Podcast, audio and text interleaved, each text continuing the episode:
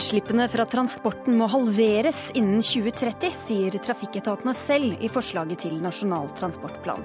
Arbeiderpartiet klapper, men Venstre mener ambisjonene er for lave. Hun ville bli sykepleier for å hjelpe syke, men det eneste hun lærer er systemer og dårlig teori. Litteraturkritiker langer ut mot sykepleierutdannelsen. Norges Fotballforbund nekter å gjøre noe med topplederlønningene. Hvorfor skal generalsekretæren i forbundet tjene dobbelt så mye som statsministeren, spør tredjedivisjonsklubb. Og tendensiøse meningsmålinger fra nettavisen NO skaper et ekkokammer av ekstreme holdninger, advarer Morgenbladet-redaktør. Men Nettavisen forsvarer seg. Vi skaper bare kontakt med leserne.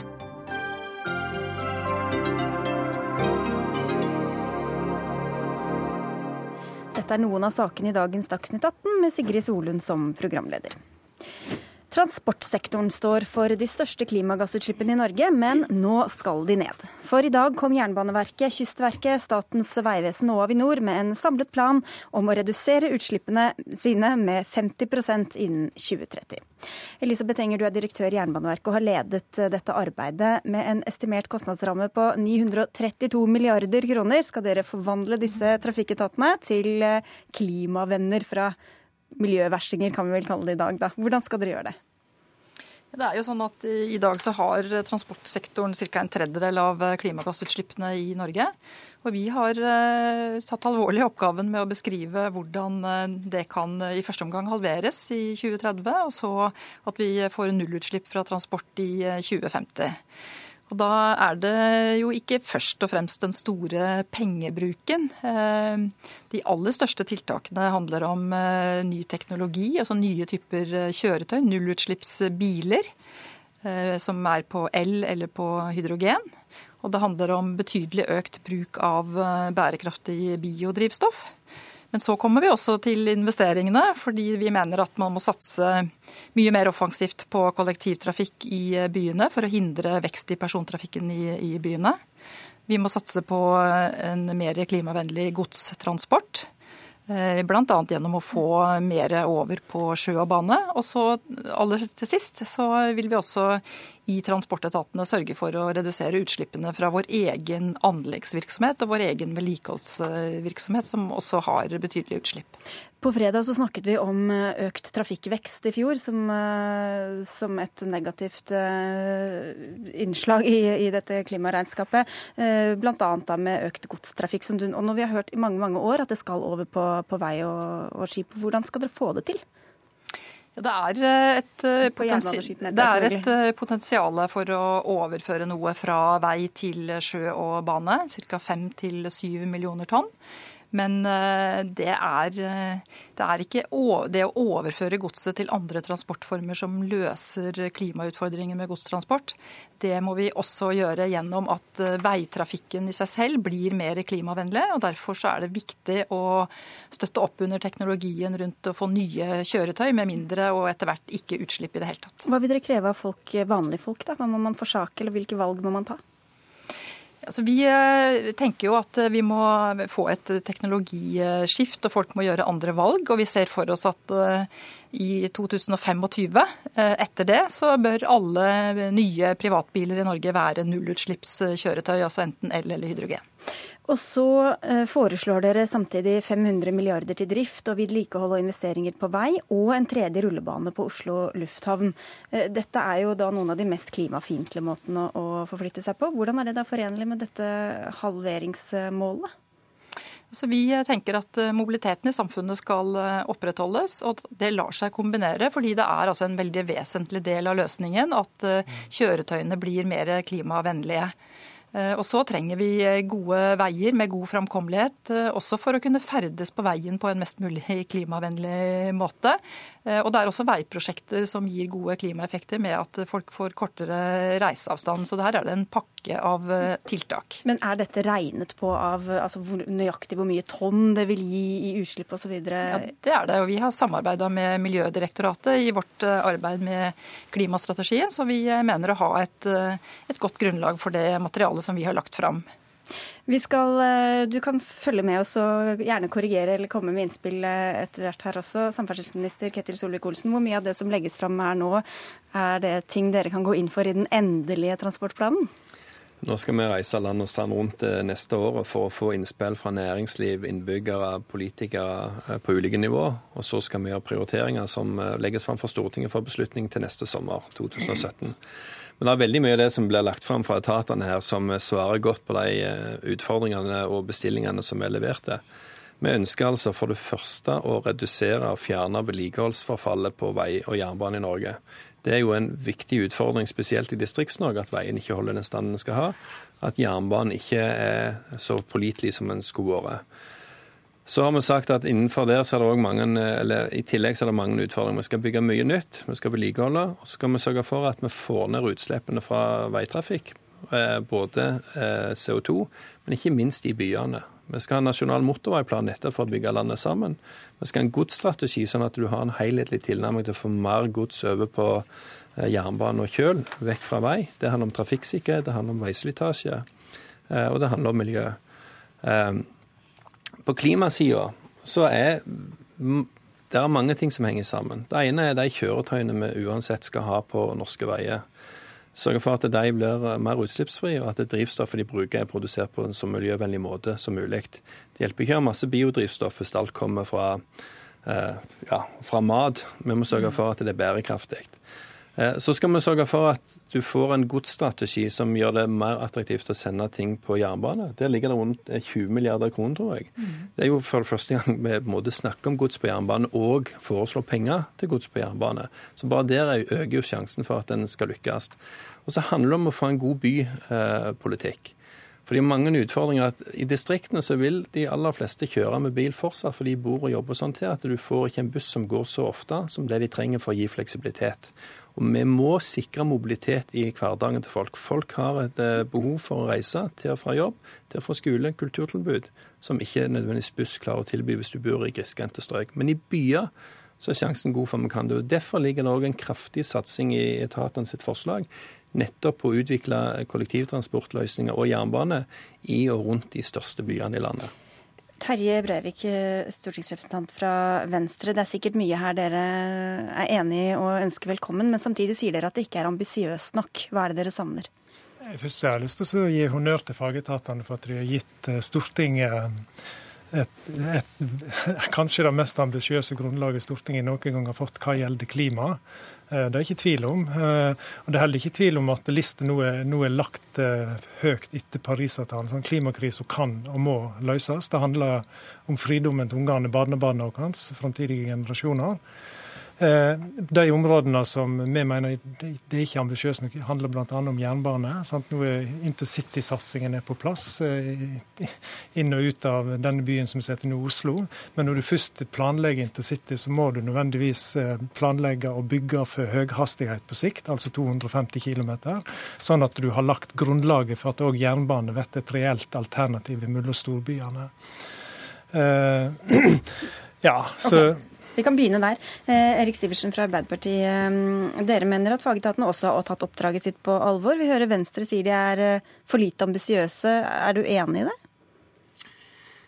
Vi skal jo strekke oss mot et nullutslippssamfunn i 2050, så det blir jo en diskusjon om hvor fort klarer vi å, å gjøre det. Ehm, jeg tenker at med det utgangspunktet vi har nå, som det hefter jo ganske stor usikkerhet med de forslagene som, som er lagt frem, eh, fordi at man er veldig teknologioptimistisk. Eh, men det er vi i Arbeiderpartiet òg, fordi vi har lagt frem veldig mange av de samme forslagene i Stortinget for noen eh, uker siden. Ehm, sånn at eh, jeg tenker at vel, dette er et langt skritt. Det er konkrete forslag som eh, gjør dramatiske omlegginger i, eh, i transportsektoren, og det er et godt steg fremover. Så skal den planen rulleres om, om, fire år, så får vi vurdere om vi kan være mer ambisiøse da. Har vi fått til de teknologiskiftene som vi er avhengig av hvis vi skal nå de ambisiøse målene? Det er spørsmålet vi må stille oss nå. Men det jeg er opptatt av, er jo at altså, dette har fagetatene gjort. Det som blir veldig spennende for Stortinget, er jo å se hva gjør regjeringa. Fordi at det, regjeringas forslag til en nasjonal transportplan som Stortinget skal behandle, og den blir lagt frem til neste vår, sånn som jeg skjønner. Og Da er spørsmålet vil statsråden følge opp det. Det har vi klare forventninger til. Nå har han fått gode råd fra fagetatene. Nå må regjeringa levere også til Stortinget, sånn at vi kan få et bredt politisk eh, samarbeid om å nå en ambisiøs klimamålsetting. Eh, du, det, altså det, var tydelig at her var det eh, målt hvor mye utslipp man skulle få med disse og disse, disse, disse mm, tiltakene. Som sagt så snakket vi om dette også økt trafikkvekst her i Dagsnytt 18 på fredag. Da sa statssekretæren at, de ikke, at dere ikke mm, liksom legger veiutbygginga opp til hva utslippstallene blir. Altså man bygger veier uavhengig av hvor mye utslipp det gir. Hvordan skal dere da vite hvordan uh, utslippsutviklinga blir med hvert enkelt prosjekt? Nei, Vi møter jo i den politiske debatten en del av våre motstandere som vil vi skal la være å bygge vei, for de tror at det løser klimautfordringene. Der er ikke vi. Vi mener at vi skal ivareta folks behov for mobilitet, folks behov for å reise i hverdagen og i fritida. Og Det tror vi er en del av det gode som, som et Men Lager dere regnskap for hvert enkelt prosjekt f.eks.? Det ligger alltid til grunn miljøregnskap og økonomiske regnskap og mye ulike typer vurderinger for hver prosjekt som legges fram. Men det som er for oss viktig, det er jo at når vi sitter og diskuterer hva slags veisystem vi skal ha i framtida, og hva slags jernbanesystem vi skal ha i framtida, så må vi ikke se på eh, gårsdagens kjøretøy når vi vurderer om, om morgendagens infrastruktur er nødvendig eller viktig. Vi legger til grunn at den utviklingen som nå skjer, globalt innenfor bilindustrien, innenfor bussindustrien, vil fortsette og sannsynligvis eskalere. og Det betyr at i all hovedsak så er det utslippsfrie eller lavutslippskjøretøy som kommer til å bruke disse veiene. Og Det å da lage dagens CO2-regnskap og si nei til å bygge f.eks. moderne motorveier mellom Oslo, Bergen, Trondheim og Stavanger, er for oss eh, ganske meningsløst. Men, men, det forutsetter jo at vi ikke bare bygger vei og ikke tenker på utslippssida. Det er derfor det som etatene òg har lagt opp til på bestilling for oss, nemlig å ha en klimastrategi se hva skjer på kjøretøy, på drivstoff, behov for ladestasjoner behov for å utvikle kollektivløsninger i byene der du av plasshensyn ikke ønsker å ha all biltrafikken. Det er en del av den totale pakken. Men hvordan den teknologiutviklinga blir, er vel også avhengig av hvilke rammebetingelser og hvilke insentiver man har. Terje Breivik, der har jo dere kommet med et litt mer kortsiktig eh, innspill til eh, budsjettforhandlingene dere skal inn i nå om økte drivstoffavgifter f.eks. Ja, det er klart altså, sant, Politisk så har jo vi store muligheter til å lage markeder for, for alternative drivstoff og eh, alternative kjøretøy. Sant? Altså elbilregimet er jo et prima dømme på at aktiv bruk av avgiftssystemet funker, eh, som gjør at du har fått en boost i elbilsalget i Norge. Og det er klart Du må legge samme prinsipp til, til grunn for at du skal få fortgang i markedene for både lågutslippsbiler og andre nullutslippsbiler.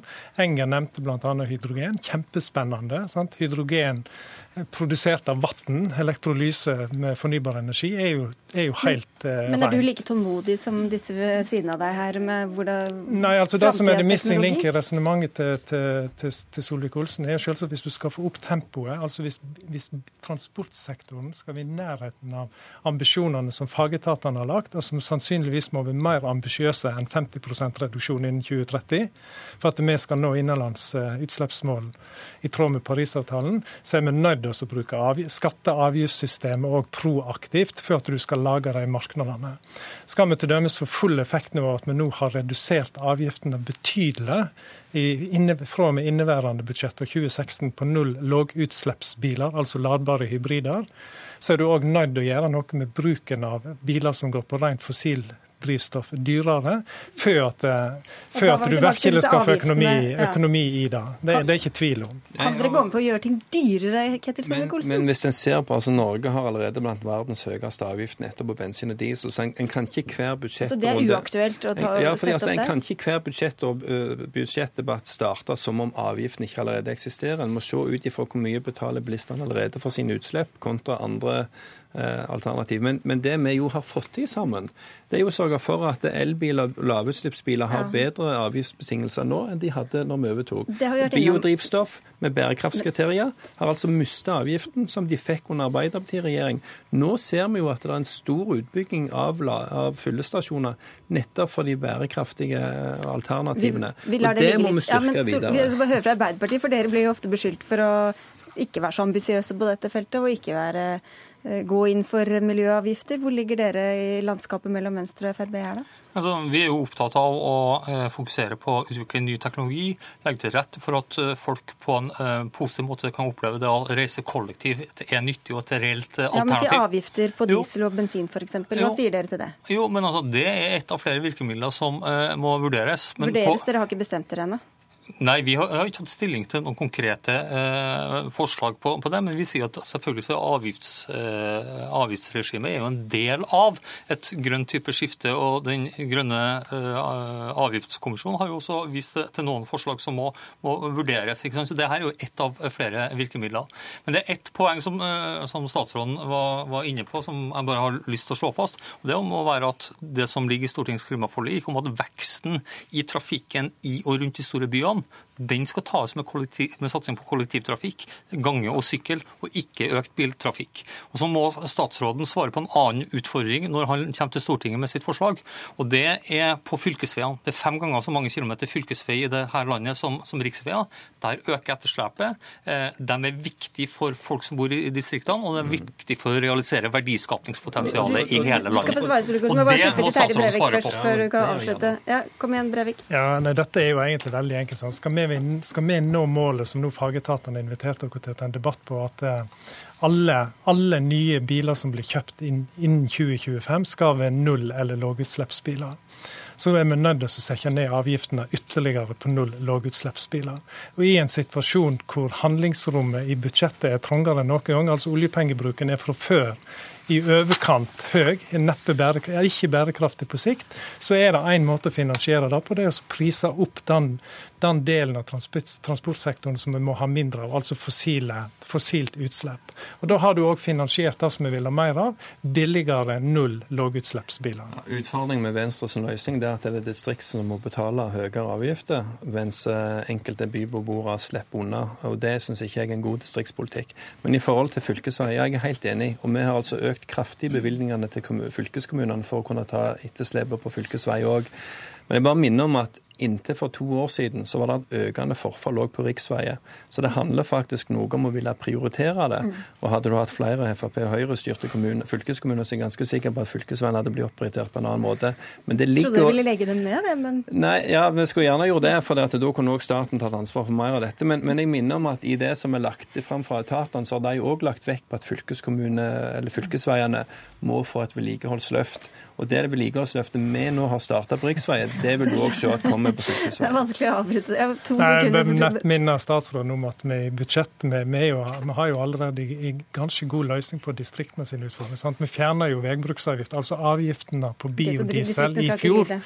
Sant? Og, og forutsetter at den da er produsert bærekraftig, så er jo det et alternativ. I tillegg så er det ikke tvil om at når du gjør ladbare hybrider billigere. Det er, det er, jo på mange måter distriktenes elbil. Så du har, jo, du har jo gode svar på det, Solvik-Olsen. Men Det betyr at alle må kjøpe nye biler ganske umiddelbart. og Det er det ikke alle familier i distriktene som har råd til. Det er derfor vi må gjøre dette skånsomt og omtenksomt. Jeg skulle bare stille et siste spørsmål til deg, Elisabeth Enger. Du har jo vært med en stund eh, her nå. Erfaringsmessig, hvor frykter du at, eh, at det ikke blir fulgt opp eh, på alle de tiltakene dere har lagt fram?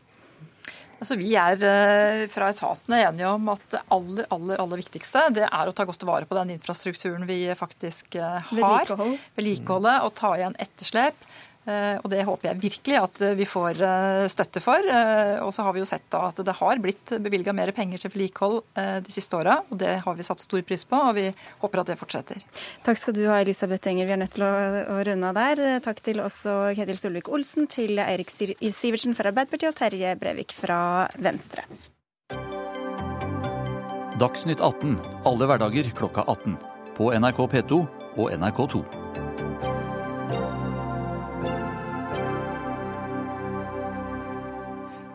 Intern dragkamp, splittelse, millionutbetalinger og fryktkultur. Dette er noen av karakteristikkene som ble brukt mot Norges Fotballforbund under helgas fotballting, da NFF fikk ny president.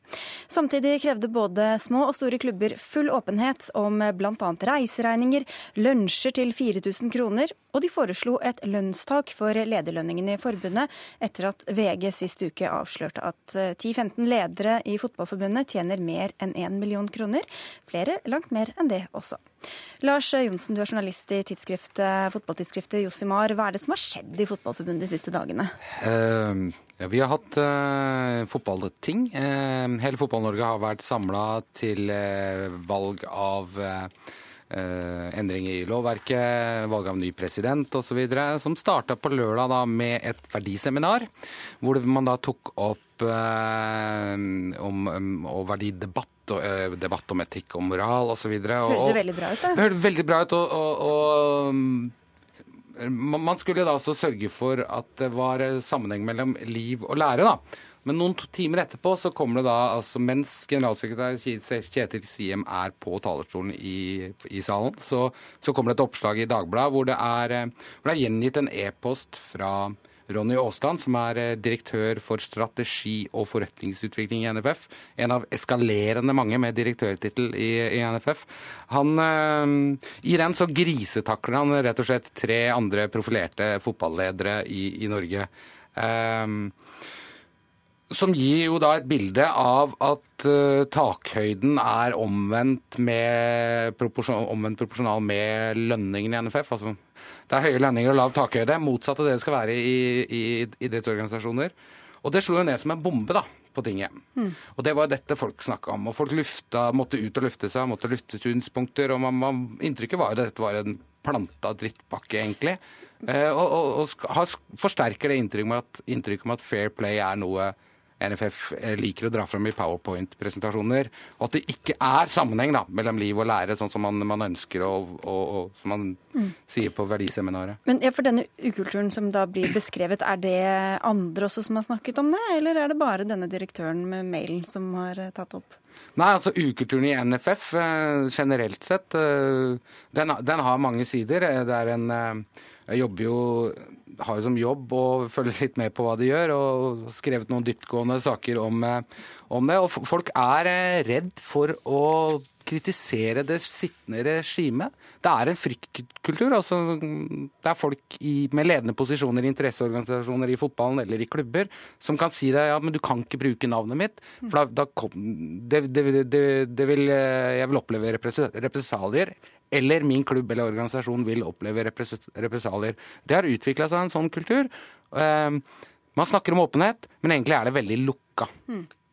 Terje Svendsen, du ble altså valgt til ny president i Fotballforbundet. Jeg vet ikke om det er på sin plass å gratulere etter denne kraftsalven, men Takk for det. det er altså turbulente tider du overtar i. Kan du forsvare den pengebruken som er blitt uh, slått opp de siste dagene? Jeg kan ikke forsvare pengebruk, men samtidig så er det sånn at eh, jeg tror at noe av det som har skjedd, det er jo det, det som ble skrives i forkant, er nemlig at man har vært for lukka. Jeg tror at svaret på veldig mye av det vi snakker om her, det er å ha en nådeløs åpenhet. Eh, fordi at eh, når man er lukka og ikke, ikke, viser frem ting, ikke står for det man har gjort, så skapes det myter, det skapes holdninger om at ting skjer. Sånn at uh, man, vi er nødt til å ta tak i dette her. Og jeg synes jo tinget, altså Selv om det var en surrealistisk opplevelse å være på tinget i helga, i og med at dette skjedde, så fikk vi egentlig en veldig fin utvikling på, det, på debatten. For det ble en debatt om verdier og holdninger. Og det var absolutt på høy tid. Kan, dessverre så kom det sportslige litt i, i bakleksa, men akkurat nå så tror jeg det var helt riktig. Vi må innom noe annet som skjedde da eh, på dette tinget, som var et forslag fra bl.a. dere, Torbjørn Jungård, du er styremedlem i Bossekopp eh, IL. Sammen med fotballklubben Eidskog la dere fram et forslag om at avlønning av administrative stillinger ikke overstiger nivået som gjelder for statsrådsstillinger. Det ble nedstemt. Hvordan opplevde du det som skjedde i helga?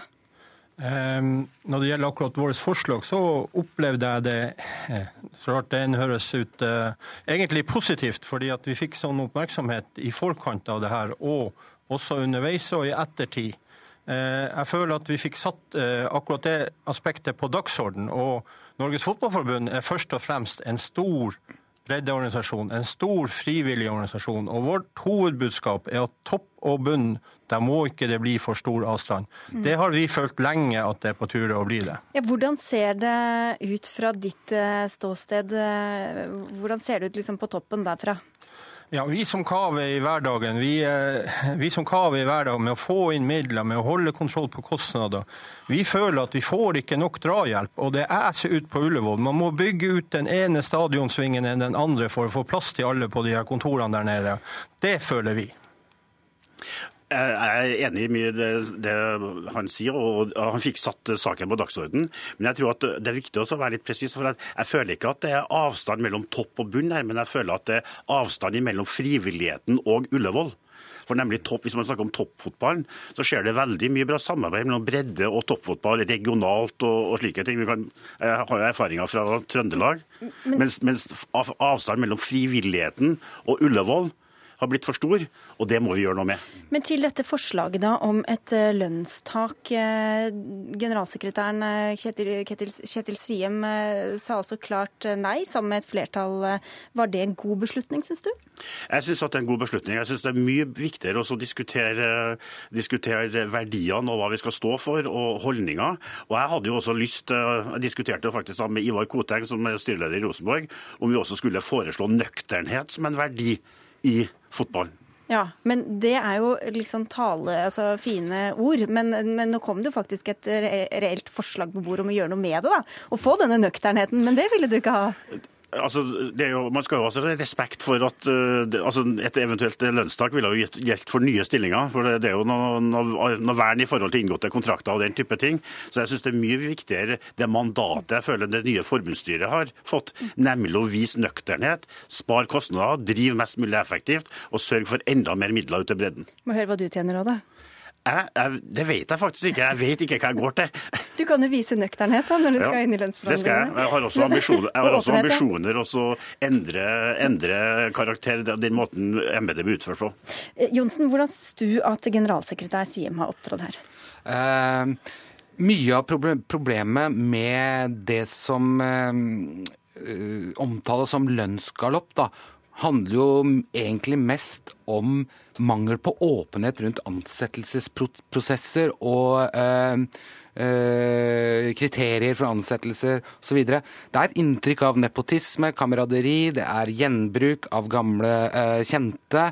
Eh, hvordan foregikk de ansettelsesprosessene? Altså, og Kjetil Siem, han, eh, altså, eh, Svendsen ble jo valgt det er under et døgn siden, eller det er litt over et døgn siden. Det er grenser for hva vi kan legge på hans skuldre. Ja, og det er jo Kjetil Siem som sånn som burde vært der og forsvare. Ja, vi har prøvd, for å si det sånn. Ja, og mannen som har Sepp Blatter, den gjennomkorrupte korrupte FIFA, eks-Fifa-presidenten som forbilde, som han har sagt, burde jo tørre å stille opp på det. Mm. Eh, men vi har en, eh, det er en større kultur altså med, med, med å feie granskningsrapporter når det, har, når det har blitt funnet noe snusk, for å bruke et folkelig uttrykk. I fotballen så har man satt i gang granskningsrapporter, Det feies under teppet osv. Han eh, eh, Jeg syns ikke han eh, opptrer noe godt, jeg. Mm. Jeg syns han er en onde for fotballen. Og det er en holdning vi har i, offisielt i bladet et, etter, etter, vurdering av eh, diverse saker. Og tidligere landslagssjef Egil Drillo Olsen krever Sims avgang. Hva sier du til det? Ja, nå er det bare ett et, et døgn siden jeg har tiltrådt. og det er klart at uh, altså, Man hører jo sant, eh, både det ene og andre her. Uh, vi har en generalsekretær, og det må jeg forholde meg til. og Så må jeg inn, må det nye forbundsstyret inn og så sørge for at de riktige tiltakene blir gjort. Jeg må høre fra deg også, Jungård. Hvordan går det utover dere som skal selge vafler og drive dugnad med sånne oppslag om pengebruk og lønninger og lukkethet og kameraderi osv.? Nei, det er ikke bra i det hele tatt. og uh, Man skal jo være klar over at også ute på bredden så har man et produkt man skal selge. Man skal selge et produkt til foreldre, man skal selge et produkt til næringsliv, man skal selge et produkt til lokale, altså til kommunene. Og, og det er ikke bra det som skjer. sånn at uh, Mitt håp og mitt budskap er at man må rydde opp i det her. Uh, vi, un vi undres veldig sterkt at det skal være dobbelt så mye i lønn å drive Fotballforbundet som å drive AS Norge. Det er jo ikke du som bestemmer det her, da, Svendsen. Men uh, skal, hva, hva, vil du gjøre da for å rydde opp uh, i dette? Nei, jeg tror, at, jeg tror, faktisk at tilnærminga som vi hadde på tinget eh, andre dagen, nemlig en verdidebatt, og så at vi er nødt til å stå for det vi gjør, og ikke, ikke være så lukka. Jeg tror at vi må erkjenne at det er det norske folk som eier fotballen. Og dermed så må vi være like åpen, minst like åpen som det offentlige sektor Og så er det selvfølgelig deler av det her som er litt mer sånn forretningskritisk, som du ikke må lukke. Men jeg tror man er mye mer åpen, mye mer altså nådeløs åpenhet, er egentlig svaret mitt på det her.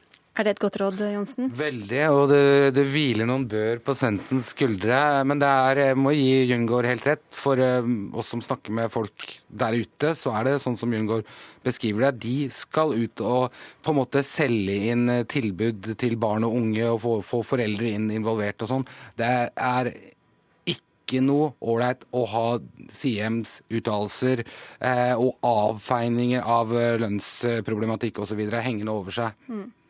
Det får bli siste ord. Du vet hva du har å gjøre, Terje Svendsen. Vi får ønske deg lykke til i det arbeidet, og takk for at du i hvert fall kom til Dagsnytt 18. Takk også til deg, Lars Johnsen fra Josimar, og Torbjørn Jungård fra Bossekopp.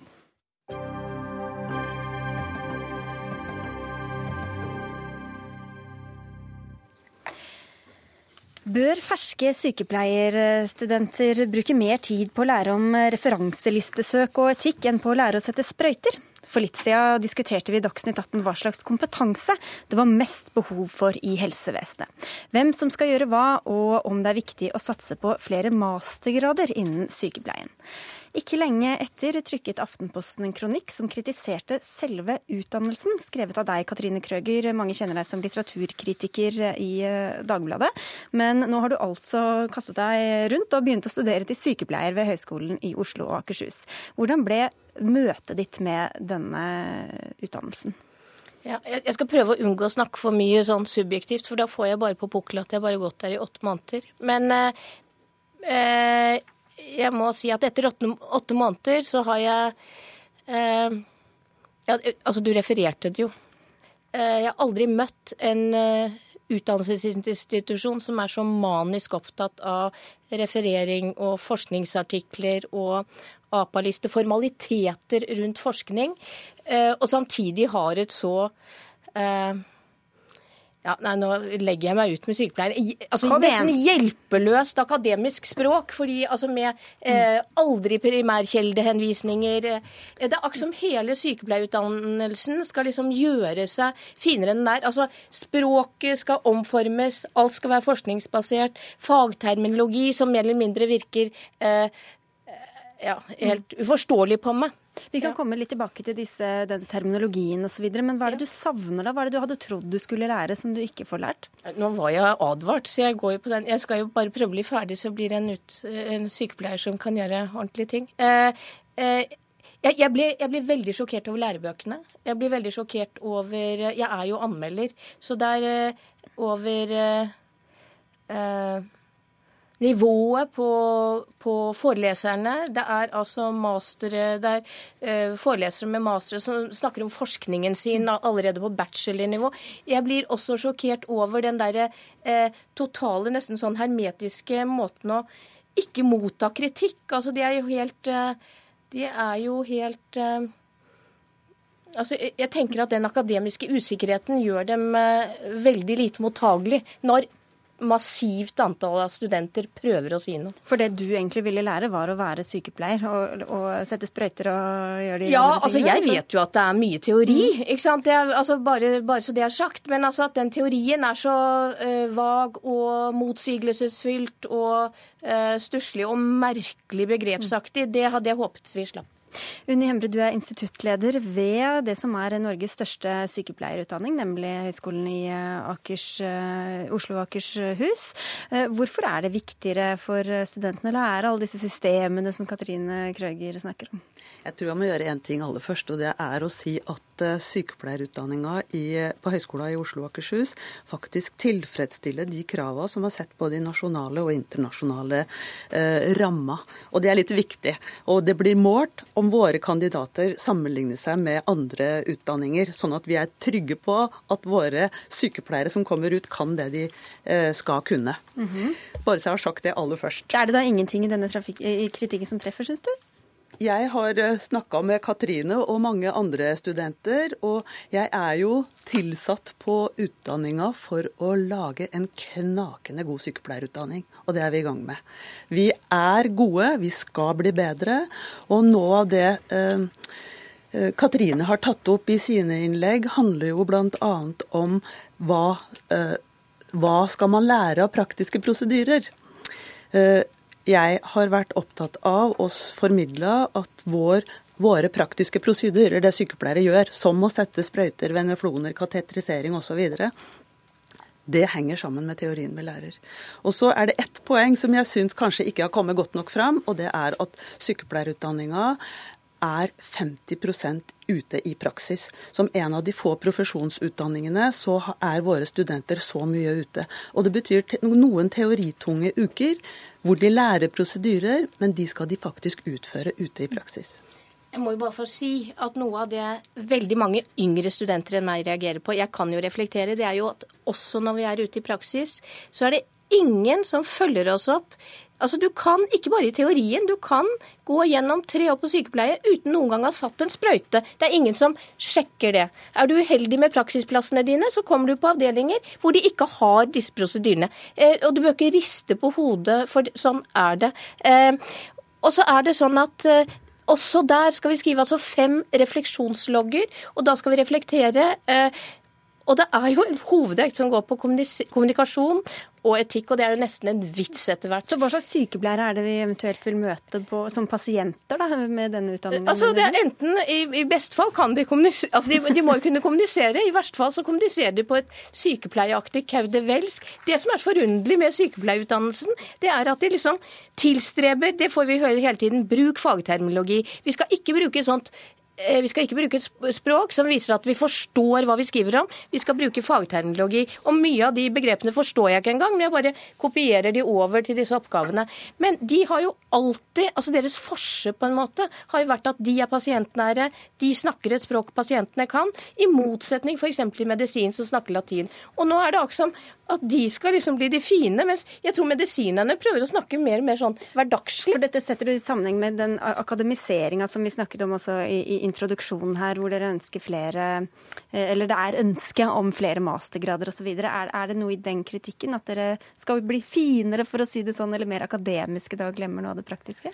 Nei, jeg syns ikke det alle praktiske yrker, som medisin og som sykepleie, trenger en teoretisk eller forskningsbakgrunn. Vi skal altså drive kunnskapsbasert praksis overfor våre pasienter. Vi skal vite hva vi gjør, og hvorfor vi gjør. Jeg eh, mener jo at Hvordan, da? Det er jo det. Men akkurat det. Studentene våre skal øve på praktiske prosedyrer, og de skal føle seg trygge på det. Og så tror jeg det er viktig å si, og dette har jeg opplevd som sykepleierstudent, og det tror jeg alle har gjort, at når man skal ut i praksis, så er man usikker. Kan jeg nok nå? Men da må vi huske, de skal ikke ut som arbeidskraft, de skal ut for å lære. Og bruke enhver læresituasjon. Og det prøver vi å lære studentene. At de skal være seg bevisste både på hva de kan og hva de ikke kan, men, og søke læresituasjoner. Men disse erfaringene som Katrine Krøger har gjort seg, hvor representative tror du de er blant de andre sykepleierstudentene? Altså målinger, Det er jo viktig å si også. Vi kjører jo kvalitetssikringssystemer på hele utdanningen, vi som alle andre. Det kjøres målinger på førsteårsstudentene, det kjøres målinger på tredjeårsstudentene, og så kjører NOKUT eh, undersøkelse på andreårsstudentene. Og Der ser vi jo på tilbakemeldingene. Det vi ønsker oss, er mer aktive studenter som deltar i evalueringa av eget studie. De, det kan man ikke beskylde deg for å ikke gjøre, i hvert fall. De oppen, de er, ikke sant? Jeg er jo ikke representativ, jeg er jo en kjeftsmeller som har kritisert og anmeldt i 50, 50 år. Eh, de unge studentene tør ikke mange av dem. Og hvis du ser, altså Jeg har jo fått, aldri fått så mye tilbakemelding om at endelig sier noen noe, at du tør og sånn. Jeg syns ikke det er det minste modige. Men, men, de eneste offisielle som er på deres liste, det er jo sånn eh, smiske Altså sånn Å nei, vi syns det er så fint, og vi lærer masse, jeg skjønner ikke hva hun snakker om og sånn. Og dere vet at dette er det hold i. Det er jo, eh, det er jo det går, altså Dette er jo et brennhett tema. Det går jo en debatt nå. Klassekampen har en hel serie om manglende praksiserfaring erfaring i profesjonsfagene. Hvor mye tror du det handler om at man ønsker å høyne statusen på f.eks. sykepleieryrket? Men man ønsker å høyne statusen, så dreier det seg jo om at uh, man skal bli bachelor og master. Så det dreier seg om penger. Altså Det dreier seg også for sykepleiere. ikke sant? De får vel 20 000 mer i året når de har master, gjør de ikke det? De får mer penger. Og det er jo selvfølgelig fortjener sykepleiere å få utdeling for en eh, videreutdannelse. Men hvorfor de skal tvinges inn i et akademisk system, det er helt uh, Det tenker tenker jeg er helt feilslått.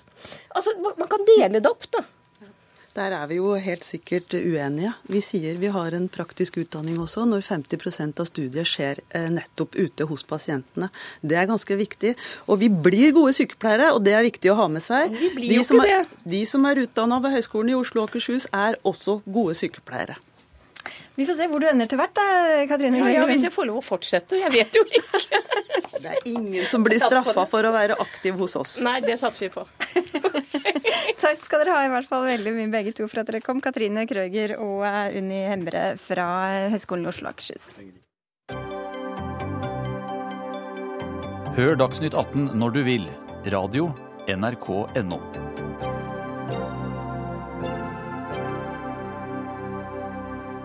Har du noen gang stussa over eh, avstemninger presentert på nettavisen.no, som viser at eh, 96% er negative til innvandring, eller at 73% av de spurte støtter Odins soldater? Men hva er det ved spørsmålene som stilles som kan gi sånne resultater? Du kaller disse meningsmålingene, hvis jeg kan kalle det det, for tendensiøse, Anne B. Jensen. Du er eh, ansvarlig redaktør i Morgenbladet. Hva er det du reagerer på? Altså, Jeg elsker jo statistikk, sånn som alle journalister, men selv om vi ikke alltid forstår den. Um, men eh, det jeg tenker her om denne, de meningsmålingene, er eh, at Jeg kan jo bare lese opp noen eksempler, egentlig. Ehm, hvem er, hva er du mest enig i? Jonas Gahr Støre er en tåkefyrste. Sylvi Listhaug er umenneskelig. Det var jo Eller hvordan betale for 100 000 syriske flyktninger? Stortinget må kutte i andre utgifter. Eller Stortinget må vedta høyere skatter. Det er jo heller ikke så gøy. Innvandringen vil bli økonomisk lønnsom. Det er det jo ingen som tror på. Så selvfølgelig må det være. Asyl bli, må være midlertidig. 87% Altså, Jeg syns jo selv når jeg leser dette at det er underholdning, og jeg skjønner at det er fordi det er, det er gøy. Men uh, jeg syns likevel at uh, mengden eh, meningsmålinger som går på innvandring, og som bekrefter en innvandringskritisk eh, holdning, er litt stor, da. Så det er måten spørsmålene stilles på, og alt svaralternativene som gis, som du mener er problematisk?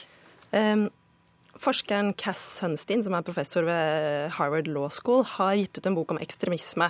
Og i den eh, boka så sier han noe om hvordan meningene våre dannes. For alle mener jo noe i et sosialt rom, liksom. Vi, lager jo ikke, vi mener ikke noe alene. Eller det vil si, det vi mener alene kan være ganske moderat. Hvis, hvis du, veldig enkelt fortalt, forskningen hans viser at du tar én ganske moderat venstrevridd person, en ganske moderat høyrevridd person, setter de i hvert sitt rom med likesinnede, så vil de komme ut av det rommet og være mer eh, venstrevridd og høyrevridd. da.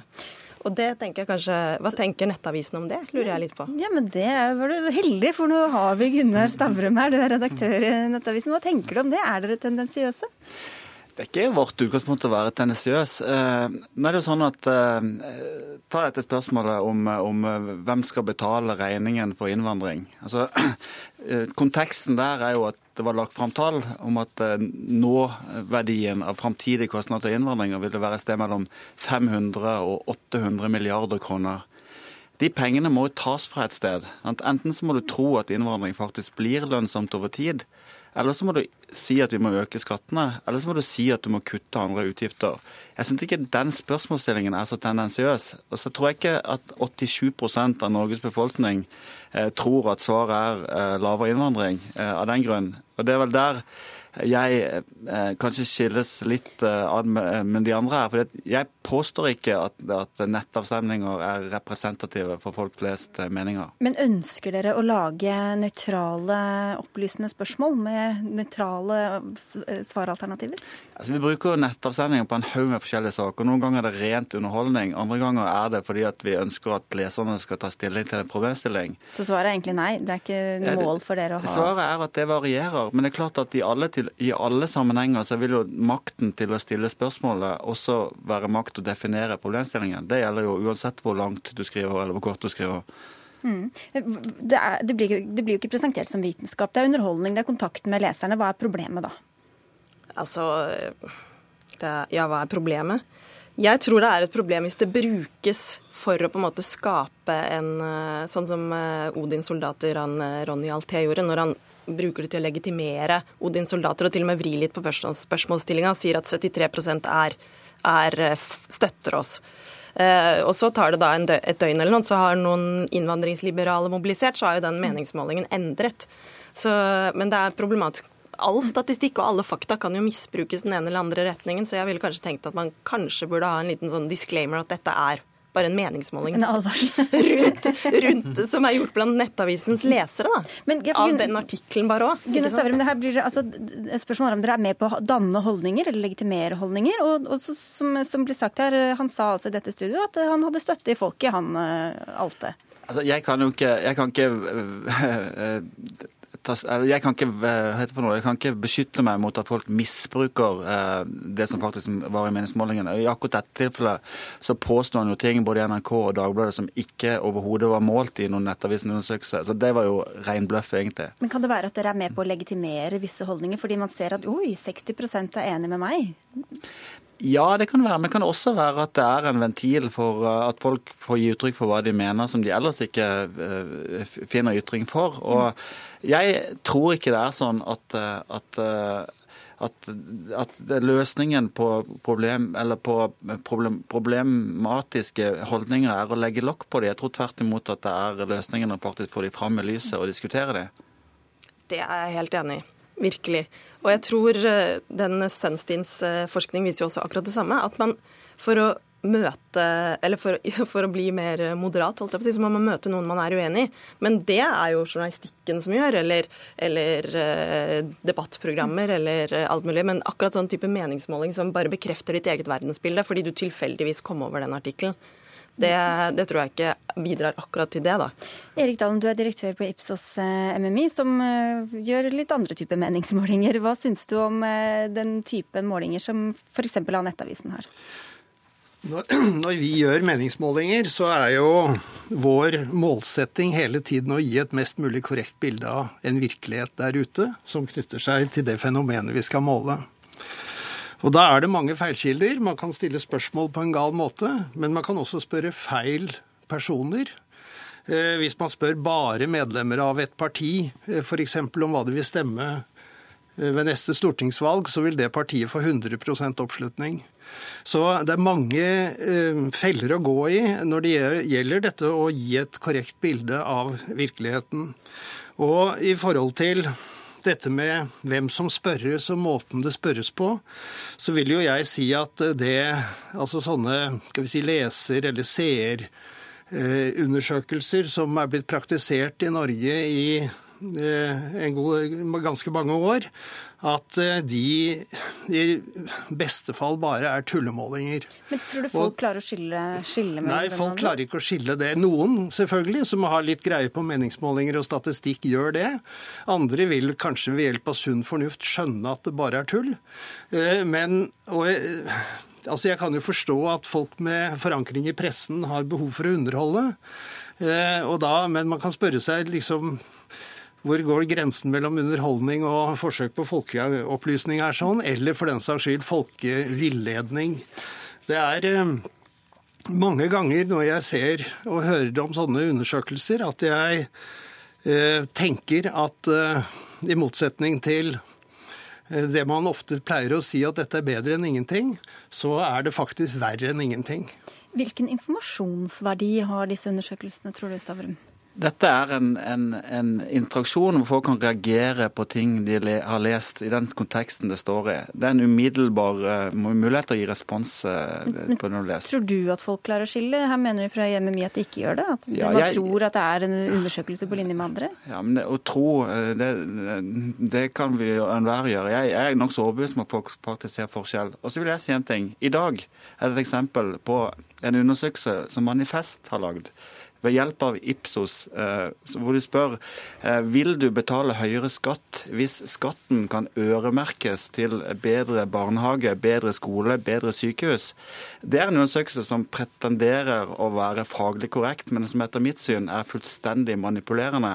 For det er jo akkurat det debatten handler om. Du kan godt få bedre sykehus uten høyere skatt, og du kan godt betale høyere skatt uten bedre sykehus. Så dere er også tendensiøse da i MMI? Jeg tror alle som jobber i denne bransjen av og til må innrømme innrømme at spørsmål kunne vært stilt på andre måter enn I det som ble gjort. er det Men en sånn, ting som jeg kan si Jeg Mener du at det er riktig i dette Jeg tilfellet? tror ikke undersøkelsen eller spørsmålene ble stilt nøyaktig slik, men jeg kjenner ikke den undersøkelsen selv.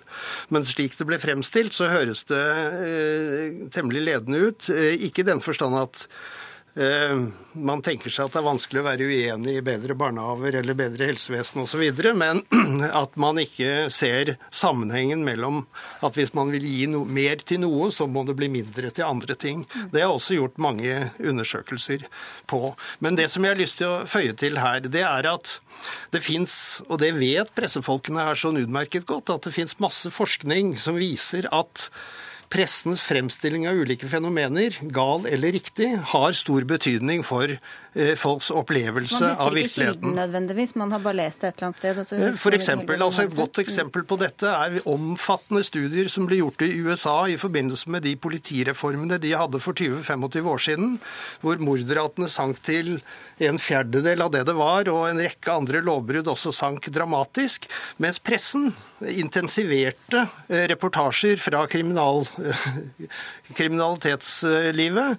Og meningsmålinger viste at folk trodde at kriminaliteten økte ytterligere, hvilket selvfølgelig passet godt for politiet, som ønsket ytterligere bevilgninger. Og da er vi tilbake til utgangspunktet, Gunnar Stavrum, og til et eksempel som Anna B. Jensen også trakk fram. Altså hvilken virkelighet dere presenterer. Dere ga folk muligheten til å velge mellom om de syntes Sylvi Listhaug er umenneskelig, eller om Støre er en uh, tåkefyrste.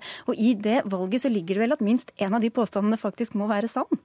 Ja, eller kanskje begge. Ja, men, eh, men, eh, men det kan jo så være at ingen av delene stemmer. Men konteksten det sto i, det var en kommentarartikkel hvor, hvor eh, det ble hevda, og jeg hevder, at høyresidens strategi i forhold til Jonas Gahr Støre er å fremstille han som en tåkefyrste. Og venstresidens strategi mot Sylvi Listhaug er å presentere henne som en umenneskelig ond. Det var i den konteksten spørsmålet ble stilt. Jeg syns ikke det er så eh, veldig feil. Så dere vil ikke gjøre om på uh, praksis her? Ikke på den, i hvert fall. Vi får se, følge spent med og stemme. Ja, du får en kjempekort til slutten. Jeg å lure på om Stavrum har tenkt å gjøre noe med spørsmålet av typen bør Odins soldater og Allahs soldater få lov til å patruljere norske gater? Hvor 101% svarer nei, og minus 1% svarer ja. Vil man gjøre noe med det? Kan man tenkes at Meningsmålingsinstitutten har gjort noen feil opp gjennom årene også? Det ble stille. Vi får la det svare svar nok. Takk skal dere ha, alle tre. Anna B. Jensen fra Morgenbladet, Gunnar Stavrum fra Nettavisen og Erik Dalen fra Ipsos MMI.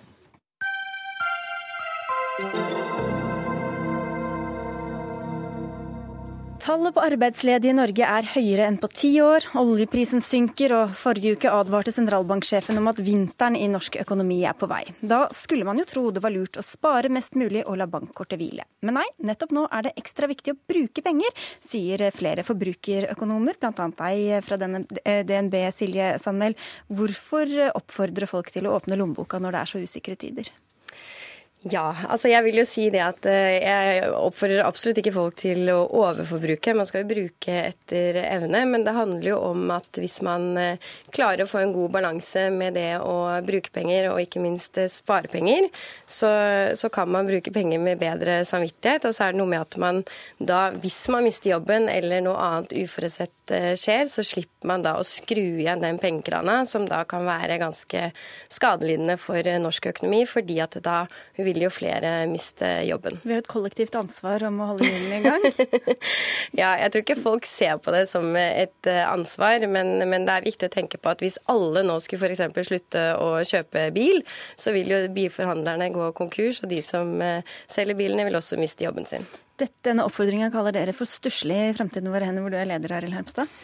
Ja, altså Vi kan jo ta eksempel, gjerne ta utgangspunkt i bilsalget. Det var det høyeste siden 1986 i 2015. altså Vi må tilbake til jappetiden for å finne et høyere salg av biler i Norge. og eh, når vi snakker om overforbruk, så eh, er det største problemet vi står overfor, er at vi overforbruker klodens ressurser. Eh, og Det betyr at hvis du ser på de klimaproblemene vi har, så kommer 80% av utslippene fra varene som vi kjøper i butikkene. Og det er ikke spesielt bærekraftig i lengden. Vi vet at, at Norge er blant de rikeste i verden, og det er faktisk sånn at en nordmann i snitt har et forbruk som er tre, over tre ganger så høyt som det som er snittet i verden. Eh, Og vi må jo snart komme oss ned på et lavere forbruksnivå hvis vi skal ta vare på miljøet vårt. Og da er det å, å, å drive med å prøve å få opp forbruket er ikke noe spesielt god idé. Er dette vurderinger dere i det hele tatt tar med når dere gir sånne råd, Silje Sandel? Jeg tror nok alle som har hørt på rådene mine tidligere, vet at eh, vi er ganske enig i at man skal bruke pengene sine fornuftig, og man skal absolutt tenke hvordan man bruker pengene sine. Altså Her handler det om, hvis vi snakker man om bil, at man f.eks. kjøper elbil istedenfor for vanlig bil.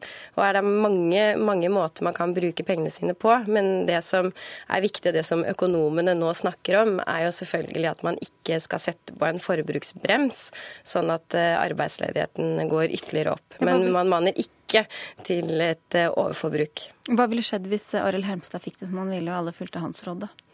Nei, Det ville være skadelidende for norsk økonomi, da. Fordi at eh, penger er jo det som smører hjulet til norsk økonomi. Det er det som står for 50% av verdiskapningen vår. Sånn at man er nødt til å bruke penger, men selvfølgelig tenke på hvordan man bruker pengene. Og der er vi ganske enige. Altså, jeg, jeg, kunne godt tenke meg at forbrukerøkonomer sluttet å si at vi må bruke mer penger, for det er det de sier. Og det ligner jo veldig på det som reklamen forteller oss. og vi får mer enn nok oppfordring om å bruke penger. Vi vet selvfølgelig at det er noen som, som hører ekstra godt etter når forbrukerøkonomene snakker. Og For de er det å bruke mer penger kanskje et problem, for det kan være folk som, som, i utgangspunktet har et for høyt forbruk. Men generelt så skulle jeg ønske meg at forbrukerøkonomene kunne si dette forbruket her det ønsker vi at skal øke. Det kan f.eks. være reparasjoner. Det er ikke det vi har dere til, da? Det kan være service. Jo, men vi har jo vi har ikke så mange mikrofoner som det forbrukerøkonomene har. Og heller ikke så mye mikrofoner som det reklamebransjen har. Så jeg kunne godt tenke meg, Istedenfor å si bruk mer penger, så kunne man sagt eh, bruk penger på dette, men ikke bruk penger på dette. Og det siste der det har jeg faktisk veldig sjelden hørt noen forbrukerøkonomer si i det hele tatt. Er dere litt redde for å være sånn normative i, i rådene? Nei, og jeg tror også hvis eh, man hadde lyttet til mine råd, så snakker jeg også veldig mye om hvordan man skal bruke pengene sine, og da ikke minst tenke på miljø. Altså Jeg snakker jo om at man bør kjøpe refill istedenfor vanlig, man bør kjøpe brukt, man bør være tålmodig, vente til bursdag og andre ting. Handle ting på salg, tenke på lommeboken, men også miljø. Handle mat én gang i uken, sånn at man ikke kaster så mye mat. Sånn at det er jo igjen eh, selvfølgelig mange mulige måter å bruke pengene sine på. Men forbruket øker jo fortsatt. Mange... Forbruket øker fortsatt, eh, og vi ser jo det bare i januar, så økte det. Og jeg tror jo det er veldig viktig at man eh, igjen bruker pengene sine, men at man bruker de med måte. Men tror du at noen bare hører halve budskapet da? De bare leser overskriften 'bruk mer penger', jippi, tenker de, og så drar de ut og kjøper seg en grill og et, hva, hva vet jeg, og alt som er forurensende? Nei, altså når jeg snakker om, om privatøkonomien til folk, så snakker jeg om at man selvfølgelig må prioritere pengene sine riktig. Det er jo første budskap. Man må sørge for at gjeldsgraden sin går ned, at man ikke har så høy gjeld at man ikke tåler uforutsette utgifter. Og så er det selvfølgelig det at man må ha en buffer, og man bør også spare. Men har man det på plass, så kan man også bruke penger med god samvittighet. Jeg, jeg, jeg, ville jo vært bekymret hvis jeg var forbrukerøkonom når jeg sa noe som ligner så mye på det reklamen eh, sier hele tiden. Og for så vidt det samme som alle kredittkortselgerne også sier, at eh, nå, nå, kan du gjerne bruke penger med god samvittighet. For det, det, er ikke noe spesielt godt råd å gi eh, generelt til, til folk som kanskje bruker mer penger enn de bør. Men så, så er jo det store problemet er, sant, at når du sier at ja, eh, bruk penger på, på, det eller det, så, så lenge du først har sagt at først og fremst må du bruke mer penger, så er det sånn at skattesystemet i Norge det premierer miljøskadelig forbruk. Og det å kjøpe miljøvennlige ting det er veldig lite lønnsomt. Og dette skattesystemet vårt det må jo selvfølgelig snus. Og den dagen vi har et perfekt skattesystem hvor liksom folk sluser pengene sine i riktig retning, så er det ikke så farlig å si at du skal bruke mer penger. Men sånn, når, når du vet at det som premieres i dag, er, det er det mest miljøskadelige forbruket, så mener jeg det er uansvarlig å oppfordre folk til å kjøpe mer. Da sier de at det er uansvarlig av deg. Altså, dere er jo også avhengig i framtiden vår hender at hjulene går rundt, og at folk faktisk handler og bruker penger og Ja, men jeg tror at vi må Altså, hvis vi fortsetter å forbruke, overforbruke ressurser veldig lenge, så, så, kommer vi til å gå på en smell. Så Det vi vil, er jo at vi heller premierer reparasjon, serviceyrker, og at vi også lager en plan for sysselsetting i andre næringer som skal ta over for, for det som går nedover. Du får nikke Ja, der, Silje nei, jeg bare to ting jeg vil korrigere. Da. Det var veldig rask. Ja, for det første så har jeg aldri matet opp til at man skal lånefinansiere forbruk. Det tror jeg alle som kjenner meg som programleder i Luksusfellen vet. Og for det andre, man skal ikke bruke mer penger, man skal bruke pengene sine fornuftig. Takk skal dere ha, Silje Sandmæl og Arild Hermstad. Vi må takke for oss Dag Dørum, Lisbeth Sellereit og Sigrid Solund. Ønsker god kveld videre.